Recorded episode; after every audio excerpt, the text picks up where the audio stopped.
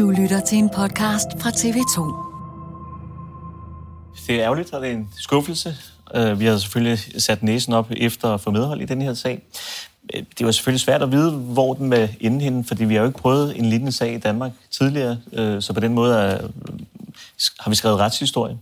Men, men uanset udfaldet, så var, var vi jo godt klar over, at den her den ville ende i, i højesteret, så det sidste punktum er ikke sat i den her sag.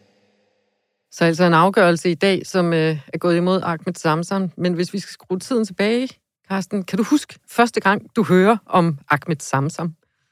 Jamen, for at være helt ærlig, så tror jeg, at det første, jeg husker om den her sag, det er de her billeder af ham fra øh, retten i Spanien, hvor han sidder med, øh, med langt hår. Kæmpe garn. Ja, øhm, så det tror jeg er det første, jeg sådan husker for den her sag, at der så begynder at komme det her med, at han siger, at han har været agent. Og jeg kan huske, da jeg ser billedet nede fra retssagen, der sidder han med sådan en orange trøje på. Jeg kan ikke lade være med at tænke på, at øh, de ligner sådan en Guantanamo-fange. Præcis, ja. Altså, hvad det var, han ville symbolisere der. Ja, Mm. fuldstændig. Men når man så ser på sagen nu, øh, hvor vi ved det, vi ved blandt andet med den afgørelse, der er kommet i dag, hvad, hvad synes du så, det er, der gør den her sag så spektakulær? Altså, det er jo ikke hver dag, at der sidder en, en mand i et spansk fængsel og siger, jeg har været agent for PET og FE, og de har ikke hjulpet mig, og derfor så er jeg uretmæssigt blevet dømt i, i Spanien. Altså, jeg kan huske første gang, jeg hørte det, så tænkte jeg, yeah, right. Altså, fordi man har tidligere hørt om sådan nogle folk, der først har været i bander, og så går de til efterretningstjenesten eller politiet, og når de så ikke får opmærksomhed der, så går de til journalister og begynder at fortælle deres historie. Så jeg tænkte sådan lidt køligt, ja, det er en mand, der vil have opmærksomhed. Men jeg blev klogere. Ja, Og i det her program, der skal vi så finde ud af, hvordan man bliver agent for PET. Vi hedder Carsten Norton og Janni Petersen. Velkommen til Skyggesiden.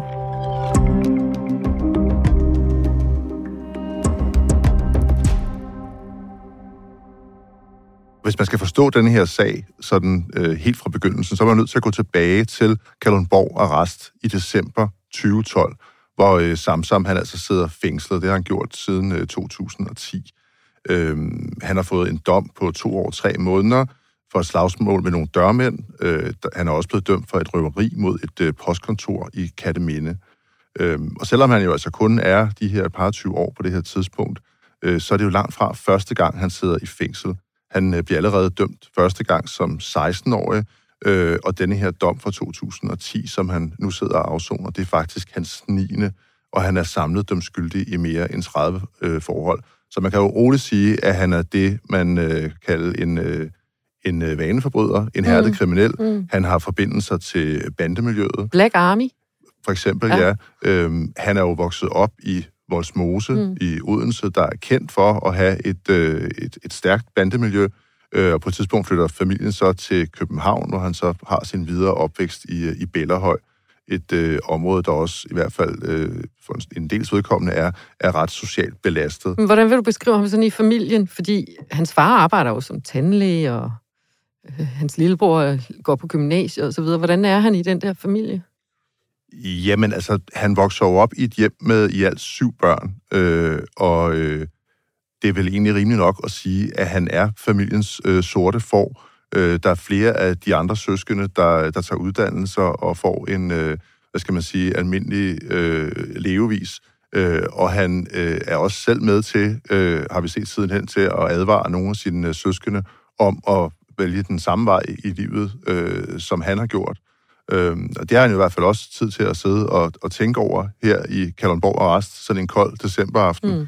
Øhm, og denne her gang, under det her fængselsophold, der sker der så noget, noget nyt, noget han ikke har oplevet før. Øh, ind ad døren, der øh, træder øh, to mænd, og de har så et tilbud med, som han ikke øh, føler, han kan sige nej til. Øh, og jeg synes, at vi skal prøve at høre, hvordan han selv har forklaret om den her situation. Det tog Jesper og Jesper i de er omkring øh, sidst i 30'erne, start 40'erne. De fremviser øh, billedlegimentation, der viser, at de arbejder for efterretningstjenesten. Hvordan ser det ud, sådan noget i det? Det ligner en politiskilt. Og hvad står der på det? Altså står Der, der... der står politiets efterretningstjeneste. Og vi sidder jo faktisk i en øh, besøgslokal. Lidt ligesom nu. Og så snakker vi om situationen og borgerkrigen og så videre og så videre og så videre. Og så slutter det af, som jeg sagde, at de tilbyder mig et samarbejde. Og så får jeg får alt det udstyr og materiale, som, som jeg nu får. da Samsam han så kommer på øh, fri fod igen, så tager han øh, ifølge sin egen forklaring et øh, smut forbi politistationen ude på Bellerhøj øh, og mødes med to øh, petfolk igen. Øh, og her der bliver der altså så givet håndslag på, at øh, han nu skal til at fungere som agent, og han øh, bliver altså lovet et beløb på 20.000 om måneden. Og det får man ikke lige en kvittering for. Formentlig ikke. Øhm, og øh, ja, og det er jo heller ikke, fordi man kan sige, det, det lyder heller ikke som noget prangende stort beløb i forhold til, at man så skal ud og, og sætte sit liv på spil for det her. Men altså, efter det her, der er han jo så med egne ord agent for PET, og efter nogle år, så bliver han det så også øh, for Forsvarets efterretningstjeneste. Der er sikkert mange, der spørger sig selv, det har vi også gjort, hvordan bliver man vævet som agent? Hvad får man? Hvordan bliver man trænet? Hvad er det for oplysninger, man skal komme med? Hvordan skal man aflægge rapport til nogen, som er hemmelige? Ja, der har vi dig, Frank Jensen. Velkommen. Tidligere operativ chef i PET, og faktisk før du sad som operativ chef. Øh, så har du også selv siddet i flere forskellige afdelinger som, som efterforsker, kan man sige, i PET, både når det handlede om spionage og terror. Nu gik vi lige igennem det her forløb med Ahmed Samsam. Hvordan får man været en agent? Er det her noget, som, som du kan ikke genkende til det forløb, som Carsten lige har beskrevet? Ja, jeg kan godt ikke genkende til det. Øh, men det er sådan, at der er ikke sådan en, en form for, for schema, man kan følge, når man skal være en agent. Fordi det måde, det foregår på, det er lige så forskelligt, som de personligheder, man har med at gøre, er. Man kan ikke sige, at man gør det på en bestemt måde. Man, man tilpasser det den person, man gerne vil være. Ja, nu taler du meget rundt om det, men hvis vi så tager udgangspunkt i sådan Ahmed Samsam, tidligere bandekriminel, man får nys om, at han har været i Syrien øh, og kæmpe for nogle oprørsbrigader mod Assad. Han sidder i et fængsel. Altså, hvad siger det dig i forhold til at gøre sådan en mand til agent? Jamen, sådan overordnet set lyder det som helt okay, kan man sige. Man skal forstå en ting, det er, det kan godt være, at der er mange, der godt kunne tænke sig at være agenter. PC, det lyder lidt spændende, men der er bare et eller andet erhverv. Hvis man nu er bogholder et eller andet sted, øh, så er man måske ikke egnet til at være agent. Man har ikke de indre ressourcer, der skal til, for det er meget, meget farligt arbejde tit. Så derfor er det ikke noget mærkeligt i, at man finder en person, som, som er så meget anderledes, mm. end gennemsnitsdanskeren er. Er det være svært at tage Carsten Norton og sætte ham ud som agent? Øh, ja, det vil det jo være, afhængig af, hvad, hvilket miljø det er. Men hvis det er blandt islamister, for eksempel, så vil hver os, der sidder her, være uegnet til det, per definition, fordi vi er så typisk danske alle tre, eller i hvert fald vesteuropæere. Øh, så man kan sige, at, at der er mange ting, der skal være opfyldt, når man skal finde sådan en agent. Og det ene er selvfølgelig, at man kan passe ind på en eller anden måde. Og jeg kan også forstå, at øh, en ting er, at, at, at PET godt vil have en agent, men når man så kommer ind i det her miljø, så begynder de jo også at stille spørgsmål omkring den person, der kommer ind. Hvem er det egentlig? Altså, hvad er baggrunden? Hvad er fortiden? Altså, hvorfor er han her? Hvad gør man så? Os? Laver man en historie? Øh, Fabrikerer man en historie, eller? Nej, altså meget hen ad vejen, der er det jo folks egen historie. Og det er derfor, det er vigtigt at kigge på, hvem er de personer, man sender ind.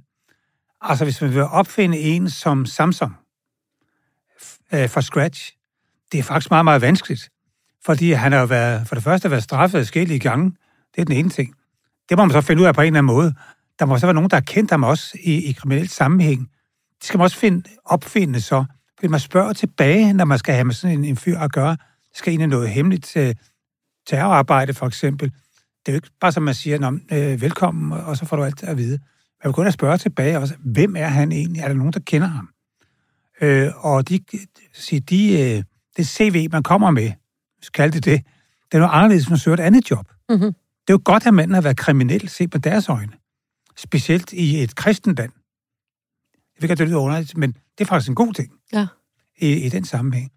Øh, og han har ikke været bange for at træde over den streg, der hedder, du overtræder samfundets øh, love og regler. Det har han jo bevist, at han er villig til at sådan nogle ting.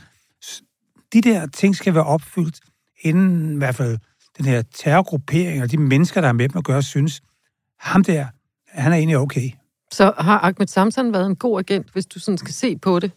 Øh, sådan ud fra ja, efterretningsmæssigt? Ja, altså, altså, ja, jeg ved ikke, hvad han har leveret af oplysninger. Ej, men som, som men, profil, men, men prototype. Ja. Absolut perfekt. Har du selv været en agent? Det har jeg også, ja.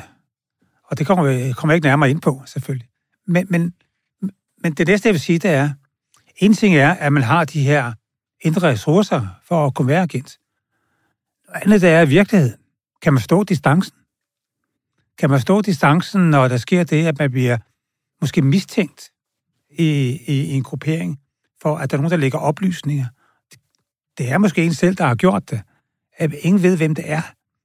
Og man begynder sådan at spørge rundt på en måske meget intimiderende måde. Kan man stå den distance og klare sig ud af det her? Det er også nogle ting, der skal ind over overvejelse, selvfølgelig. Altså, men rent psykologisk. Er gearet til at kunne lave det her. Og det er derfor, jeg siger, at man skal være et specielt type menneske, for overhovedet at kunne begynde at lave det her arbejde. Hvordan finder man ud af, om man så kan stole på den pågældende? Fordi en ting er, at han måske lytter med og siger, det lyder spændende, det kunne jeg godt tænke mig, men der er jo også nødt til at være en eller anden form for tillid fra øh, efterretningstjenesten til, at denne her person ikke, hvad skal man sige, ender med at være en slags dobbeltagent. Men sådan overordnet set, så er det jo rigtigt, som du, som du egentlig siger og spørger ham, at hvordan kan man stole på sådan en person? Og det er ikke som, man, man siger, nu har vi været en, og det er dejligt, og nu får han nogle, nu, nu får han nogle opgaver, øh, for så kan man se, hvad det er, PT gerne vil have at vide. Det vil sige, hvis det er en opgave ud, så siger man også, hvad man mangler oplysninger om. Så enkelt er det jo. Så inden man kommer så vidt, så får man måske opgaver. Det er i hvert fald en måde at gøre det på, så man kender svaret på. På forhånd. Mm-hmm. Øh, og der kan man få opgaver, som kan virke måske på den person, der skal værves, ret hemmelig, selvom det egentlig ikke er det for PET. Man kender det i forvejen.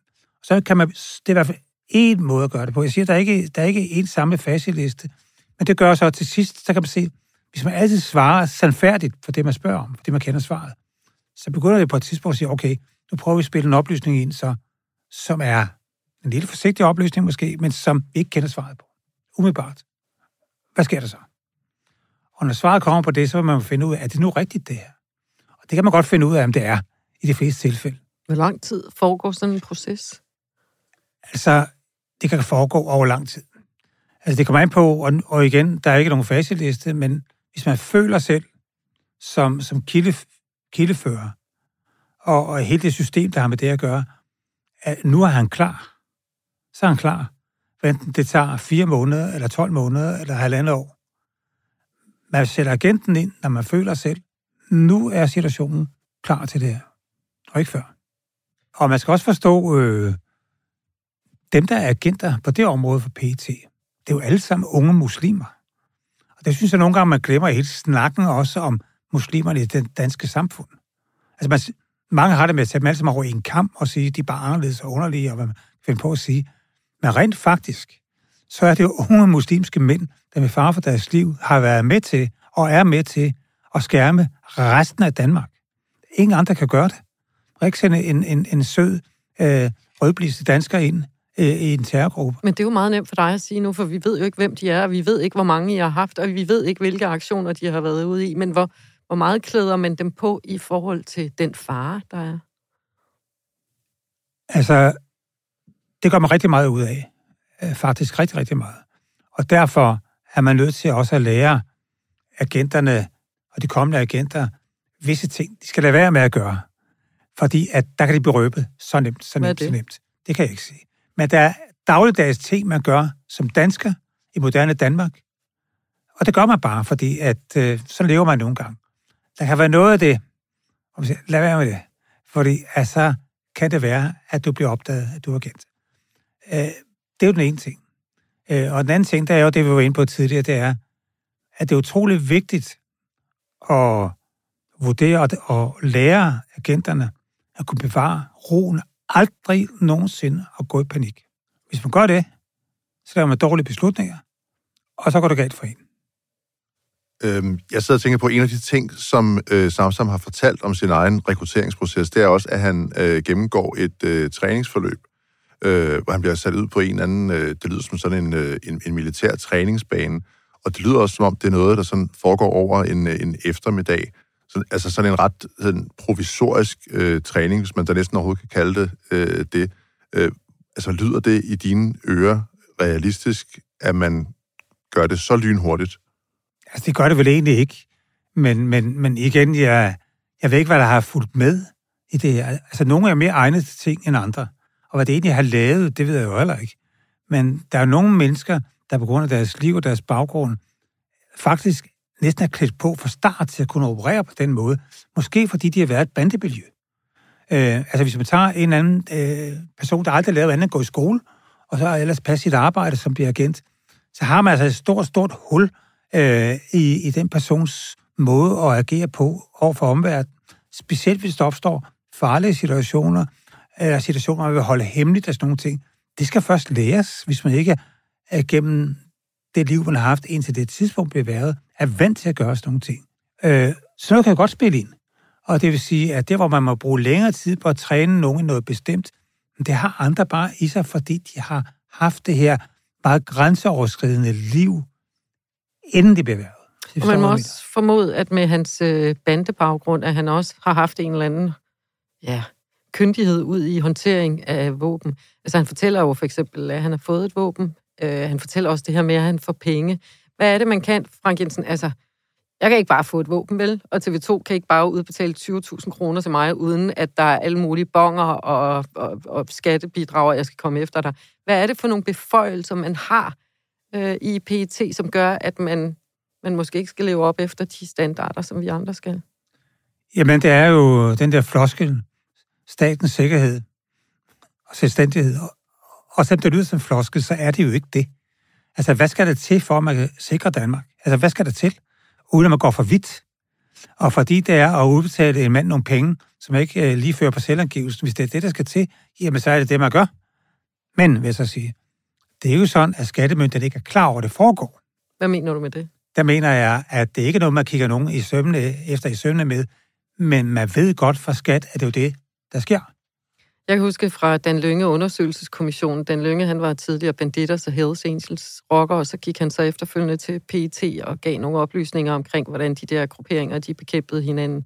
Og det ender så i pressen, og jeg er inde til undersøgelseskommissionen, hvor den daværende PT-chef Hanne Bæk jo bliver afhørt lige præcis om det her med pengene. Så selvom du ikke vil afsløre, hvordan det foregår, Frank Jensen, så fik vi det at vide i undersøgelseskommissionen. Og der var altså sådan et hemmeligt skab, som stod inde på hendes kontor som PET-chef, med koder og hele svineriet, og så åbnede man det, og så lå der en masse kontanter. Der skulle så lige laves en lille underskrift på, at de penge, de var blevet udbetalt, men det var så som så med dokumentation efterfølgende, og sådan var det bare. Altså, altså PET's regnskaber bliver også revideret. Mm. Hvis man er det den hemmelige revision, mm-hmm. men det er stadigvæk en revision. Hvor det er et spørgsmålstegn ved, hvad er de her penge gået til? Kan det ikke være sådan, at man det kan selvfølgelig ikke være sådan, at man lader som om, man har 15 agenter, og det hele det går over til, til hej vilddyr nede i Karibien eller andet sted med, med cocktails. At det er det, det, dækker over. De skal jo vide, hvad drejer de sig om. De vil aldrig få at vide, hvem en agent er. Men det vil kunne se, hvad agenten foretager sig, og, og, og hvordan pengene egentlig bliver brugt, og hvorfor. Men ikke, hvem det drejer sig om. Ikke engang den hemmelige revision. Øh, så på den måde øh, forsøger man at dække sig ind, så det ikke bliver sådan et, et lovløst økonomisk land, hvor man bare kan bruge løs til højre og venstre. Der er altså styring over det her øh, med de her penge. Og dengang med Hanne Bekansen siger det, ja okay, ja, det var sådan, det foregik, fordi dengang var det det mest almindelige, det var at operere med kontanter. Mm. I dag er der jo nok andre ting. Det kan være, det er kryptovaluta, man ved det ikke. Men i hvert fald så sker ja. der jo det. Grunden til, at vi også øh, koncentrerer os om det her med penge, det har jo spillet en væsentlig rolle i Ahmed Samsams egen øh, påstand om, at han har været agent. Og det, der jo sker på et tidspunkt, det er, at han tager på ferie. Han er blevet outet. Han er ikke rigtig en del af hverken FE eller PET. Og så sker der noget, Karsten. Ja, det er rigtigt. Han er i øh, Sydspanien i øh, juni 2017 øh, sammen med øh, en af sine brødre. Han holder, holder ferie øh, og pludselig bliver han anholdt dernede. De har holdt ferie, hvor de har drukket en masse øh, spiritus og røget nogle spif, så har han også forklaret. Og angiveligt også øh, besøgt nogle prostituerede.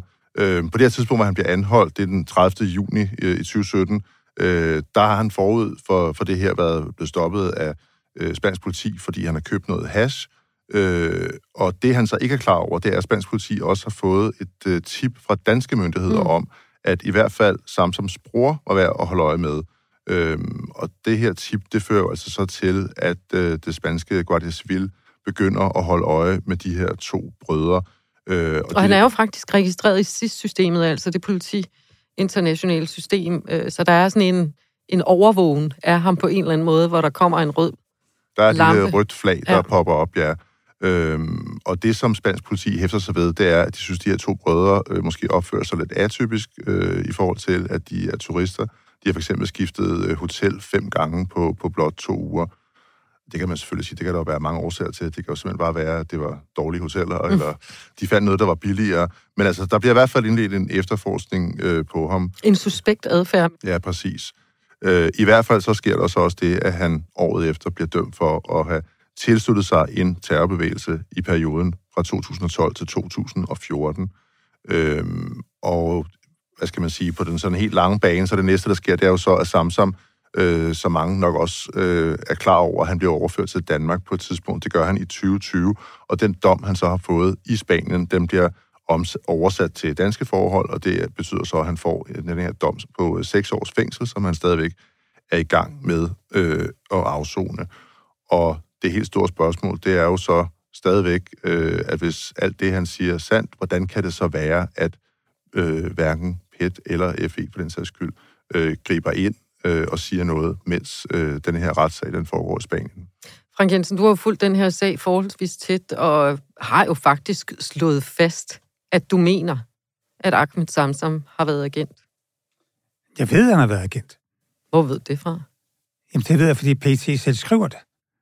De skriver det i et, et dokument, der er lækket til præsten.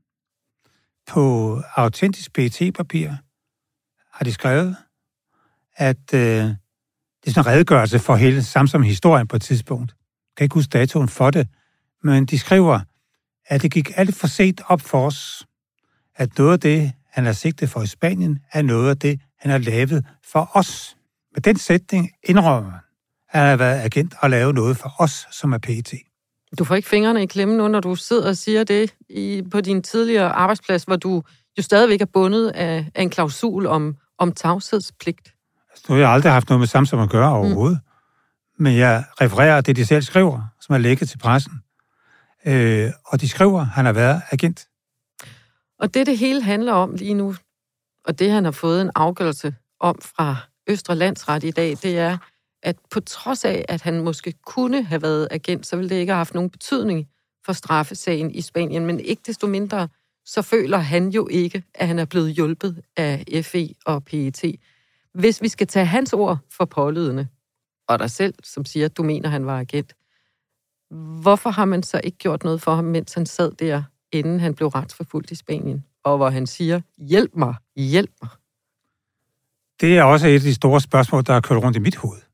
Altså, man kan forstå, øh, når man driver en agent og siger, nu ophører samarbejdet af en eller anden grund, kan være mange årsager til, øh, så er skruet sådan sammen tingene, ikke kun i Danmark, men hele verden, det er, at derfor slipper man ikke den tidligere agent.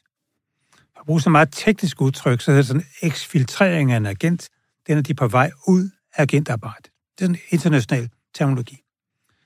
Men man skal jo forstå, at den agent, uanset hvem det er, der nu bliver taget ud af agentarbejdet, stadigvæk ser inde med en stor viden om hemmelige ting, om PET's arbejdsmetode, hvordan det foregår.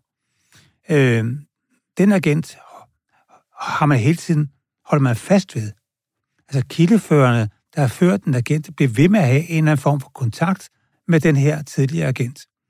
Indtil man er kommet så langt hen, sige, for fra man har opgivet samarbejde, at man siger, nu er der ingen grund til, at vi længere har bare en perifær forbindelse med personen. Nu er det helt passé. Og grund til, at man gør det, det er jo, at de mennesker, man værger som agenter, er jo lidt besværlige mennesker. Det er derfor, de er egne til at være agenter. De er ikke så folk er flest. Og derfor kan det jo nemt rose sig ud i et eller andet, som almindelige mennesker ikke kan. Og, ved du hvad? og i den situation er man nødt til at have hånd i hanke med dem, så man ikke pludselig står i en situation, hvor de af desperation begynder at røbe noget, som de ikke må sige. Men det er interessant, at du siger det. Og det her, det bliver lidt langt og lidt teknisk. Men ikke desto mindre, så kom PT og FE med en fælles udtalelse i december sidste år i forbindelse med arbejdet med kilder, hvor de blandt andet siger, at det bliver lidt teknisk det her, men hæng lige på. I forhold til spørgsmålet om, hvorvidt en kilde for efterretningstjenesten kan dømmes i en straffesag, er det helt generelt sådan, at de almindelige strafferegler i Danmark og i udlandet også finder anvendelse på personer, som fungerer eller har fungeret som kilder for de danske efterretningstjenester. Det gælder uanset om en strafbar handling er begået før, under eller efter den eventuelle kildevirksomhed. Derfor er det heller ikke sådan, at en person er generelt straffri, fordi den pågældende fungerer eller har fungeret som kilde for en dansk efterretningstjeneste. Jeg noterer mig, at en person er generelt straffri. Hvad, hvis du skal oversætte det her til noget, folk forstår, hvad er det så, at tjenesterne siger her? Det, der er vigtigt her, det er jo, hvis man skal prøve at forstå det her på, på, på en nem måde, det er, man sender man en mand ind blandt terrorister. Det er det, man gerne vil have, er for betalt for det. Hvad er det, man forestiller sig, der skal foregå, når han kommer ned blandt de terrorister? At han skal sidde en liggestol, fordi han kommer fra Danmark, og bare kigge på, hvad der sker. Er det det, man tror, at, at så vil man acceptere ham, så kan han finde oplysninger? Han er jo nødt til at deltage på et eller andet niveau i det, der foregår. Ellers bliver han jo udpeget med det samme som suspekt, øh, og så kommer der over behandling. Men får man så bare carte blanche til at agere som terrorist, når man tager ud? Det gør man jo ikke. Øh, og derfor er jo kunsten også at sige, ligesom der er i alle andre forhold. Blandt terrorister er der også nogen, der altid står forrest i linje. Først har kniven frem, eller glastikoven frem, og så er der der kommer anden og tredje række. De er jo meget forskellige mennesker, som de terrorister. Man behøver ikke stå første række som agent. Man kan jo ligesom komme på tredje geled, og ligesom være der. Mm-hmm. Ikke? Øh, og så er det med alt det, man laver. Øh, og det kan man ikke på forhånd sige, at, at, at, øh, at det straffer man så, hvis der er noget, der er en overtrædelse. Øh, hvis man gør det, når der slet ikke stille nogen agenter ud, kan man sige, lade være. Altså, så er det umuligt at gøre noget. Mm-hmm. Så formelt er det jo rigtigt. Men i virkelighedens verden, der er det jo slet ikke det, det går ud på, og heller ikke for PT. Så du giver ikke meget for den udtalelse? Nej, det gør jeg ikke. Altså, det er et forsøg på at redde ansigt. Øh, fordi der nu er en straffesag, jeg siger, jamen, det er jo ikke noget med det, jeg gør. Altså, det har jo ikke engang været agent. Men hvis han har været agent, så er det jo ikke straffrit at lave forbrydelser, siger de. Så det er jo sådan lidt elastik i metermål på sin vis. Det. Hvor man så må, kan man så også, vil det så være rimeligt at antage, at, øh, at det, der i virkeligheden ligger bag den her udtalelse, er, at øh, måske har det passet øh, de danske efterretningstjenester udmærket at trække en streg i sandet på det her tidspunkt, hvor, hvor den her retssag den finder sted i Spanien. Altså at man simpelthen sådan indirekte siger til, til Samsam i det her tilfælde, øh, jamen, du er jo nok gået stregen, over stregen på et eller andet tidspunkt, og derfor så trækker vi følehunder til os nu. Nej, det kan man ikke sige. Det er dårlig dømmekraft hos ledelsen af PT. Du har jo faktisk haft agent derude, øh, og jeg ved godt, du ikke kan være konkret. Øh. Jeg, jeg, jeg kan godt forklare mig ting alligevel. Ja, men, men, men, men, men kan du forklare, hvordan man burde have ageret i sådan en situation? Jeg ved godt, du ikke kan være konkret, oh, jo. men gå så langt, som du kan, Frank Jensen. Åh, oh, det kan jeg godt. Jeg kan lige opsummere, opsummere mens jeg tænker mig om, øh, hvordan, hvordan PT'er ikke har reageret. Da der kommer et signal om, at nu er den agent, nuværende tidligere agent fanget og sidder der, og han påstår, at han arbejder for PT, så siger de selv med det der lækkede oplysning, der gik for lang tid, det gik op for os, at, det, at han også har sigtet det for noget, der er lavet for os. Og det er vigtigt at holde fast i der er gået for lang tid. Det vil sige, at i min verden betyder det, at man har ikke reageret hurtigt og dynamisk nok på, der sidder sådan en mand der, øh, som man må gøre et eller andet i forhold til. Et eller andet. Øh, og det er nu vigtigt. Det har man søgt. Det, det, det, det, det, det er gået i fisk for dem og lave de ordentlige beslutninger. På et tidspunkt, der er vores chef, der kører vi også agenter selvfølgelig. Foregik på samme måde. Vi sender en agent ud. Han skal ind blandt ekstremister. Og han har jo også fået ligesom nogle opgaver og nogle begrænsninger og sådan nogle ting. Han bliver sendt til land A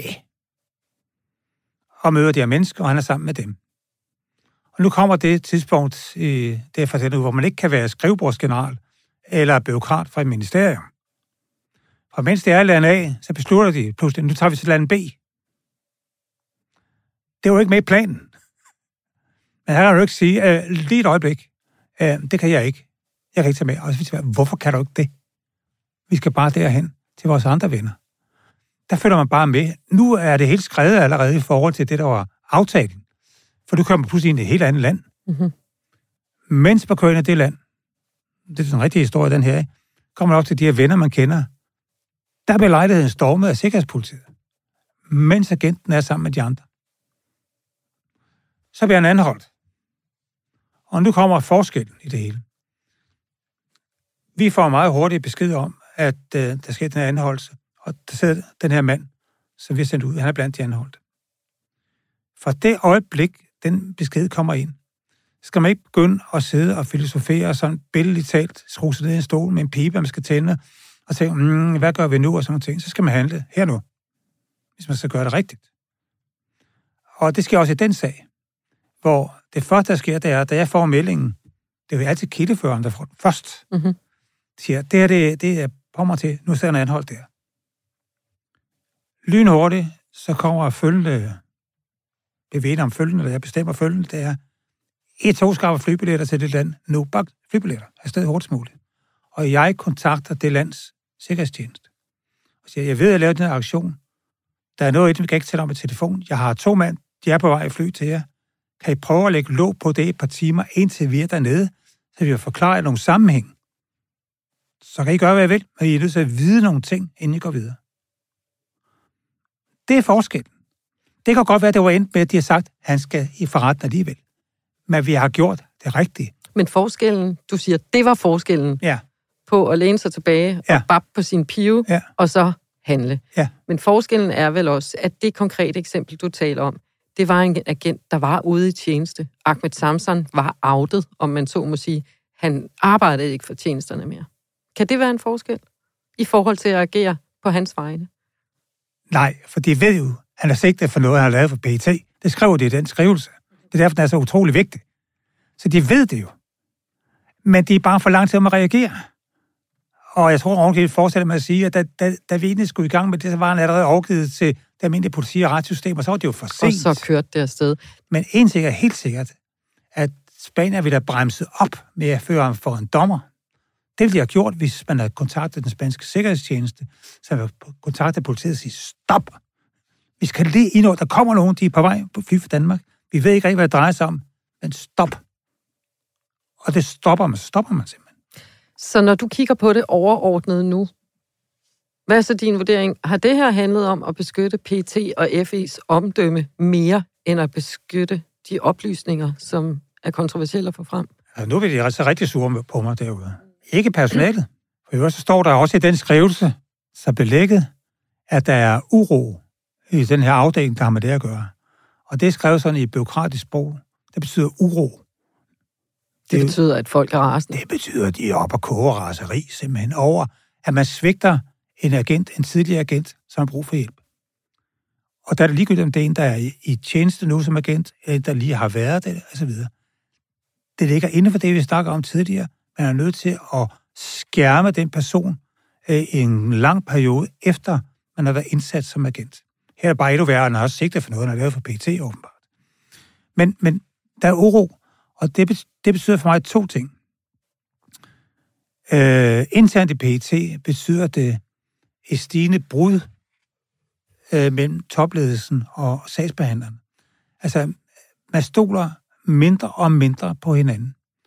Og det, der er vigtigt at forstå også, det er, at for en efterretningstjeneste skal fungere, så er man nødt til at stole på, at de enkelte medarbejdere er i stand til at håndtere det, de er rigtig, rigtig dygtige til, efterretningsarbejde. Men hvis man ikke gør det, og siger, at der er et, et, et spillerum her, hvor man stoler på hinanden, så bliver man nervøs, også som sagsbehandler, for at lave noget forkert. Det er det samme som, man ligesom, hvis stedet er man går i panik, så laver man fejlhandlinger. For hvis det er sådan, at, at, at der ikke er harmoni mellem top og bund i det her, så er faren for mig at se, jeg siger ikke, det er der, men faren kan, ligger i, at det kan skabe en kløft, der gør det sværere at opretholde det sikkerhedsniveau, vi har i dag. Fordi for ikke så gøre det, der er det rigtige. Så du siger, at den her sag, den har været med til at skade sikkerheden i Danmark, blandt andet fordi medarbejderne er rasende. Ja. Og det giver, bliver så ikke bedre af, selvfølgelig, at en af dem, som er så en af dem, der har været kildefører for Ahmed Samson, han har jo åndsynligt gået ledelsen på dørene hele tiden. Han blev spurgt i et interview på DR, øh, altså kildeføreren Jesper, har du gjort noget selv, inden du gør det med pres? Jeg har prøvet alt, siger han. Jeg ved godt, hvad alt betyder i hans verden. Hvad betyder det? Det betyder, at han kan ikke mere. Han blev afvist hver eneste gang, han har forsøgt at hjælpe den mand og få PET's ledelse til at gøre det rigtigt. Men de ved på forhånd, at de har sovet i timen, og så afviser de ham, efter min opfattelse. Der bliver delt lussinger ud her fra den tidligere operativchef ja. i PT. Og så tager han en beslutning, Jesper. Det er, nu gør jeg det, jeg nogle gange har gjort, taler med journalister, og så kan jeg gætte på, det gider ikke sidde og gætte, men, men hvad det er, han egentlig fortæller. Og det er selvfølgelig alt om det her, om Samsung-historien. Selvfølgelig er det det. Det er det, han kender til. I det øjeblik, han gør det, så ved han, jeg bliver fældet på det her. Det ved han. Han er en mand, der har været lojal i mange, mange år i efterretningstjenesten og i politiet. Ja, du kender ham jo. Jeg kender ham personligt. Og alligevel gør han det.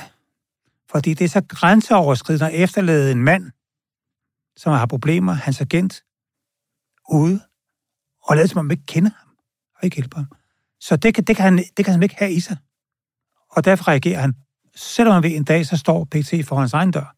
Det sker også. Så bliver han anholdt. Han gør det alligevel. Nu er det ikke sikkert, at det sidste punkt, som den her sag er sat, fordi der er jo stadigvæk den mulighed, at den øh, eventuelt kan komme for højesteret. Men hvis nu den afgørelse, der er faldet i dag, den står til trone, øh, hvor skadelig vurderer du så, at øh, denne her sag, den er for de danske efterretningstjenester? Altså, jeg vil tro, det, det er mit gæt, som sagt, øh, for jeg, jeg ved jo ikke, hvad... Øh, man skal, man skal ind bag, ind bag ved, ved, ved murene for at forstå, om det virkelig skader. Altså, en ting er teoretisk. Øh, men jeg, jeg har svært ved at se en pt man gå ud i dag. I dag, for eksempel. Nu har man en person her, man ved kunne være en fantastisk kilde, som hører det her. Og man siger nu, jeg lover dig, at vi aldrig svigter dig. At uanset hvad der sker, så står vi bag dig. Det, det må du tro på. Det ved jeg sgu ikke rigtigt om, om det med lige glæde ind i dag. Og det er jo vigtigt, for man kan få folk i tale, det er, at de stoler på, og det, man siger, er rigtigt. Stadigvæk holde fast ved, at det, man sender agenter ud i, det er ikke gået efter morgenbrødets hos. Det er simpelthen et livsfarligt arbejde. Derfor er den her tillid, den er jo alfa og omega i forhold til at kunne værve personer. Og det er det nødvendigt at gøre for at sikre vores land. Men lige nu i hvert fald. Og hvor lang tid det vil tage for at opbygge den tillid igen, det ved jeg selvfølgelig ikke. Men det vil jo ske. Selvfølgelig vil det det på et tidspunkt. Tusind tak, fordi du var med, Frank Jensen. Også ja. selvom du har gjort dine tidligere kollegaer ude i PET, i hvert fald i ledelsen, måske rasende over dine analyser her i dag. Tak, fordi du kom. Og vi to mødes jo igen i øh, næste uge, Janne. Ja, det gør vi. Fordi vi er begyndt en helt ny podcast, hvor vi tager fat på nogle af de aktuelle emner, som vi skal vende sammen med den krimi-erfaring, vi, hvis man lægger den sammen, jo er rimelig mange år. det må man sige, ja. Hvad er du blevet klogere på i dag i virkeligheden? Fordi du har dækket bandekriminalitet. Altså, jeg har jo siddet med de her terrorsager i rigtig, rigtig lang tid, og kendt Frank Jensen i forholdsvis lang tid.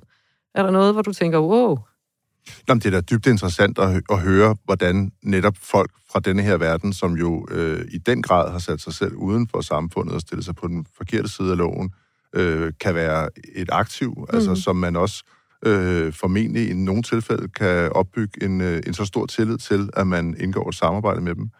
Det er da dybt interessant. Jeg lytter med på Skyggesiden. Carsten Norton og jeg er klar næste uge til at grave os igennem en aktuel krimisag. Tak fordi I lyttede med. Skyggesiden har forelagt Frank Jensens kritik af PET's håndtering af Samsung-sagen for PET. De har ikke ønsket at udtale sig.